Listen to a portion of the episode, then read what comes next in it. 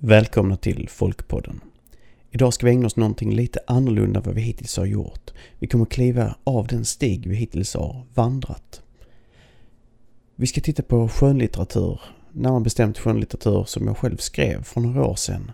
Men som jag tycker fångar essensen av Folkpodden i folklore, lite skräck och kusliga historier.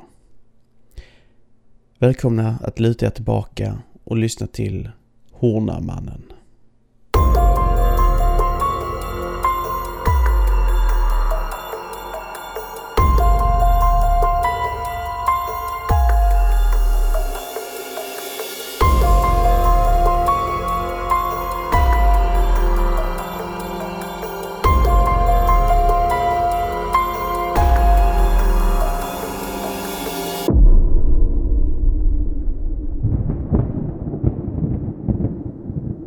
Det var en ovanligt varm valborgsafton i slutet av förra seklet. Hela vår familj hade samlats på en gård utanför Kärnarp för att tillsammans med gårdsinnehavarnas familj fira vårens intågande. Vi tällde pinnar att använda som grillspett över det stora bålet som snart skulle tändas och våra föräldrar hjälpte oss med att träcka på korv och bröd. Snart stod solen som lägst vid horisonten och bonden som skötte gården tände sin fackla. Han höll den stadigt i sin hand och stirrade ut över åkern mot den nedstigande solen. Alla var tysta.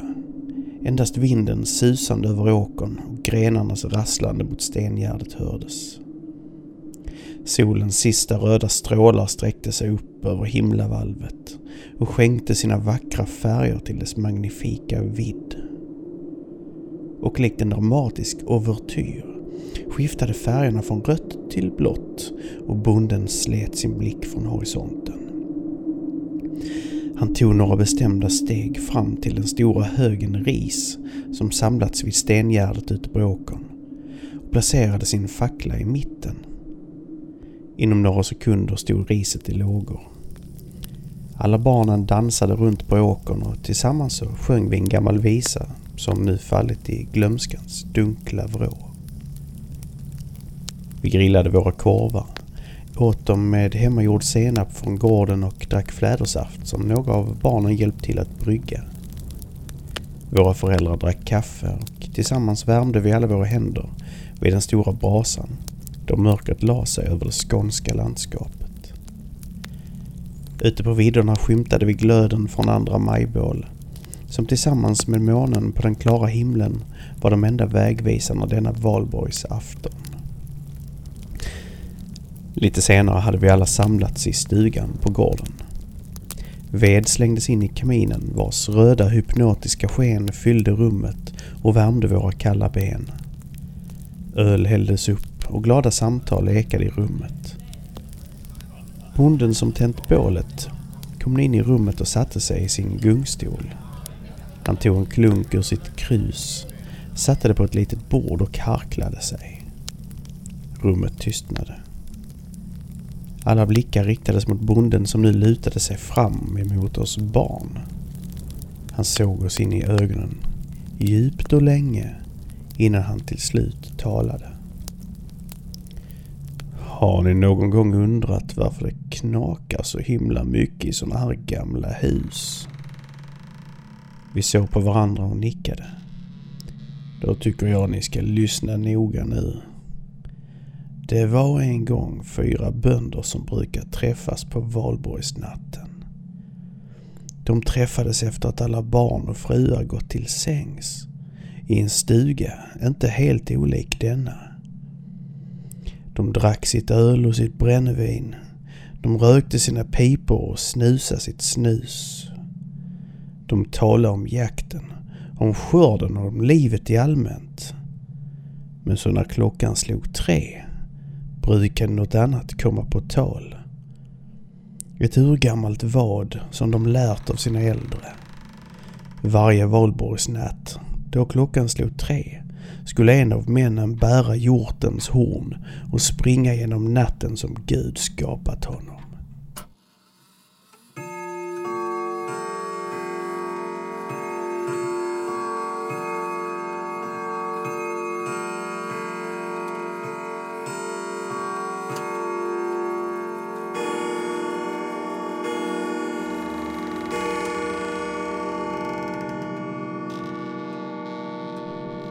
Skulle springa och springa tills han någonstans där ute i mörkret mötte djävulen själv.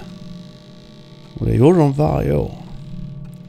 En av männen klädde av sig sina kläder, bar hjortens horn likt en törnekrona och sprang ut i natten. De flesta som såg detta, de såg det som en galen idé, kläckt av gamla män som fått för mycket brännevin. Men likväl levde seden kvar här ute på heden. Men så en valborgsnatt för många år sedan förändrades allt. Kvällen hade börjat som den alltid gjorde. Männen hade sagt godnatt till sina barn och fruar för att sedan samlas i gillestugan. Kaminen hade tänts, brännvinet hällts upp och pipan hade rökts. Och så ringde den gamla klockan tre gånger. De fyra männen ställde sina glas åt sidan och reste sig upp. Den man som ägde gården de befann sig på räckte sig efter ett krus som stod längst upp på en hylla i rummet. Han tog av locket och Varman sträckte ner sin hand i kruset för att ta en sticka. När alla fyra tagit en sticka sattes kruset tillbaka och de mätte dem. Denna gången var det den yngsta mannen i gruppen som drog det kortaste strået. Han klädde av sina kläder och gick ut i farstun. Bonden som ägde gården kom ut ur gillestugan med hornkronan i händerna. Han placerade hornen på mannens huvud, klappade honom på axeln och sa Hälsa honom från mig. Nästa morgon vaknade bonden av att det knackade på dörren i farstun. När han steg upp för att öppna möttes han av den yngre mannens fru. Hennes man hade inte kommit hem efter kvällens valborgsfirande. Bonden klädde på sig och gav sig ut i den kyliga vårmorgonen.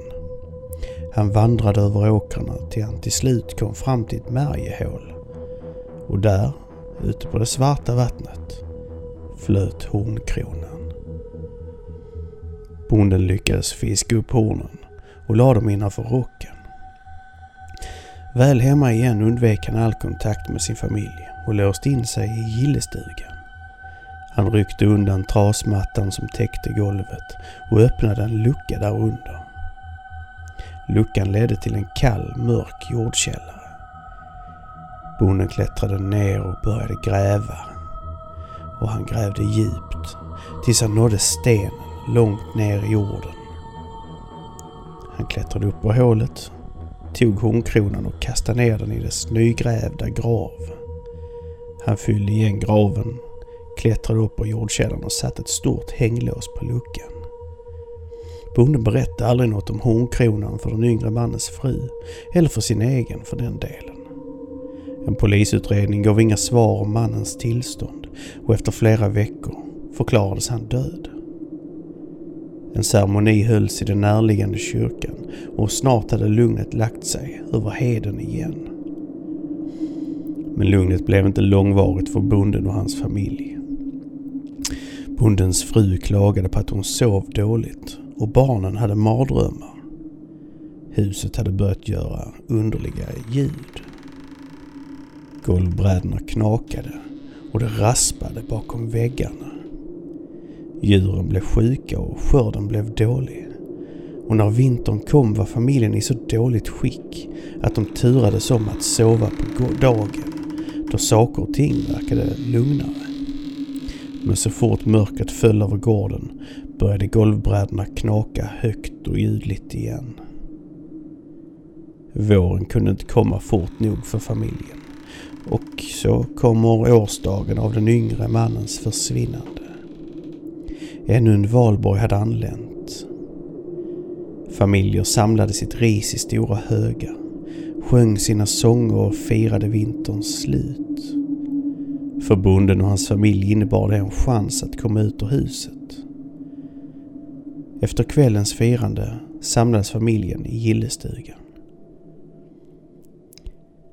Trots det traditionella firandet som symboliserade ljusets och värmens seger över mörkret och kylan tycktes vintern dröja sig kvar. Så familjen beslöt sig för att bädda upp madrasser i gillestugan och spendera natten framför kaminen. Bonden var motvillig men såg ändå en trygghet i att ha familjen samlade i samma rum. Föräldrarna bäddade ner sina barn och kröp sedan själv ner under det varma täcket framför kaminen i gillestugan. Den långa vintern hade tagit slut på familjens krafter och alla somnade direkt. Huset var ovanligt tyst. Endast vinden susande på åkern och grenarnas rasslande mot stengärdet utanför hördes. Det verkade som att familjen äntligen skulle få sig en god natts sömn. Men så slog klockan tre gånger.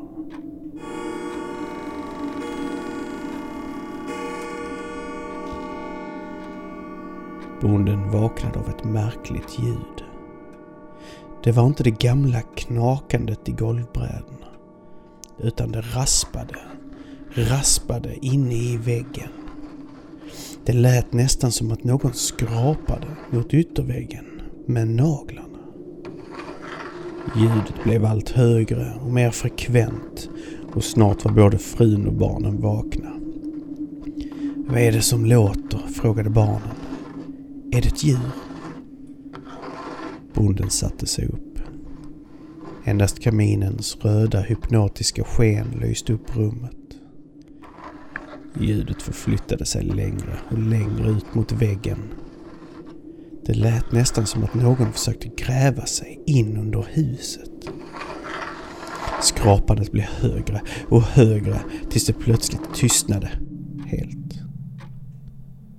Bonden sträckte sig efter en fotogenlampa som stod bredvid kaminen. Tände en tändsticka och sträckte in den i lyktan. Ett gult sken spred sig också över rummet. Bonden reste sig upp och tittade mot väggen där ljudet hade kommit från. Skrapandet hade tystnat precis under fönstret mot åkern. Bonden gick sakta mot fönstret med lyktan upphöjd framför sitt ansikte. Han sträckte den mot fönstret för att se vad som fanns där ute. Men ljuset visade bara en spegelbild av honom själv. Frun och de två barnen låg tätt ihop på golvet framför kaminen, förväntansfulla inför det fasansfulla. Bonden vände sig om till sin familj och sa Det var nog bara ett djur som ville in i värmen.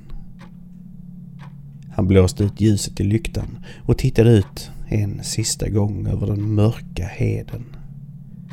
Och det var då han såg det. Där, ute bland den svaga glöden från avlägsna brasor och i det svaga månskenet fick han syn på den.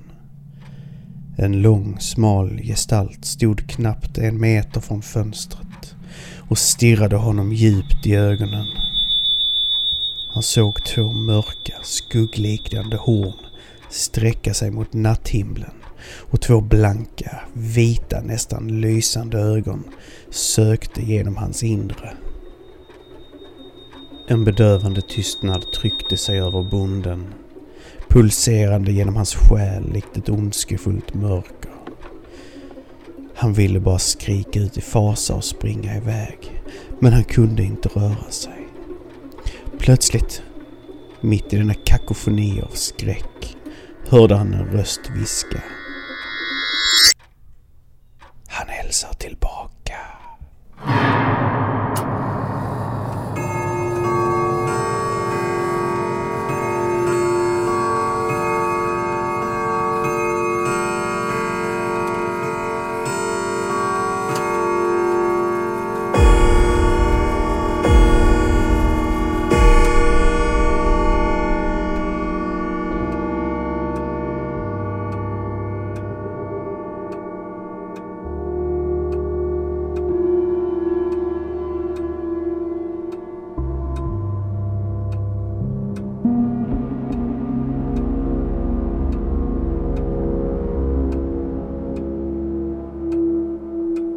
Du har lyssnat på Folkpodden säsong 2 avsnitt 6 Hornamannen. Om du gillar Folkpodden, glöm inte att du kan beställa officiella produkter från vår butik på Frontier Unknown och det vore väldigt uppskattat om du skulle vilja stötta oss via Swish. Länkar hittar du i show notes. Jag vill även bjuda in dig till att besöka vår YouTube-kanal där du förutom podden hittar extra material, vloggar och annat trevligt. Glöm inte att prenumerera och ringa klockan för att slå på aviseringar så att du aldrig missar ett avsnitt. Tack för att du lyssnat. Vi hörs snart igen.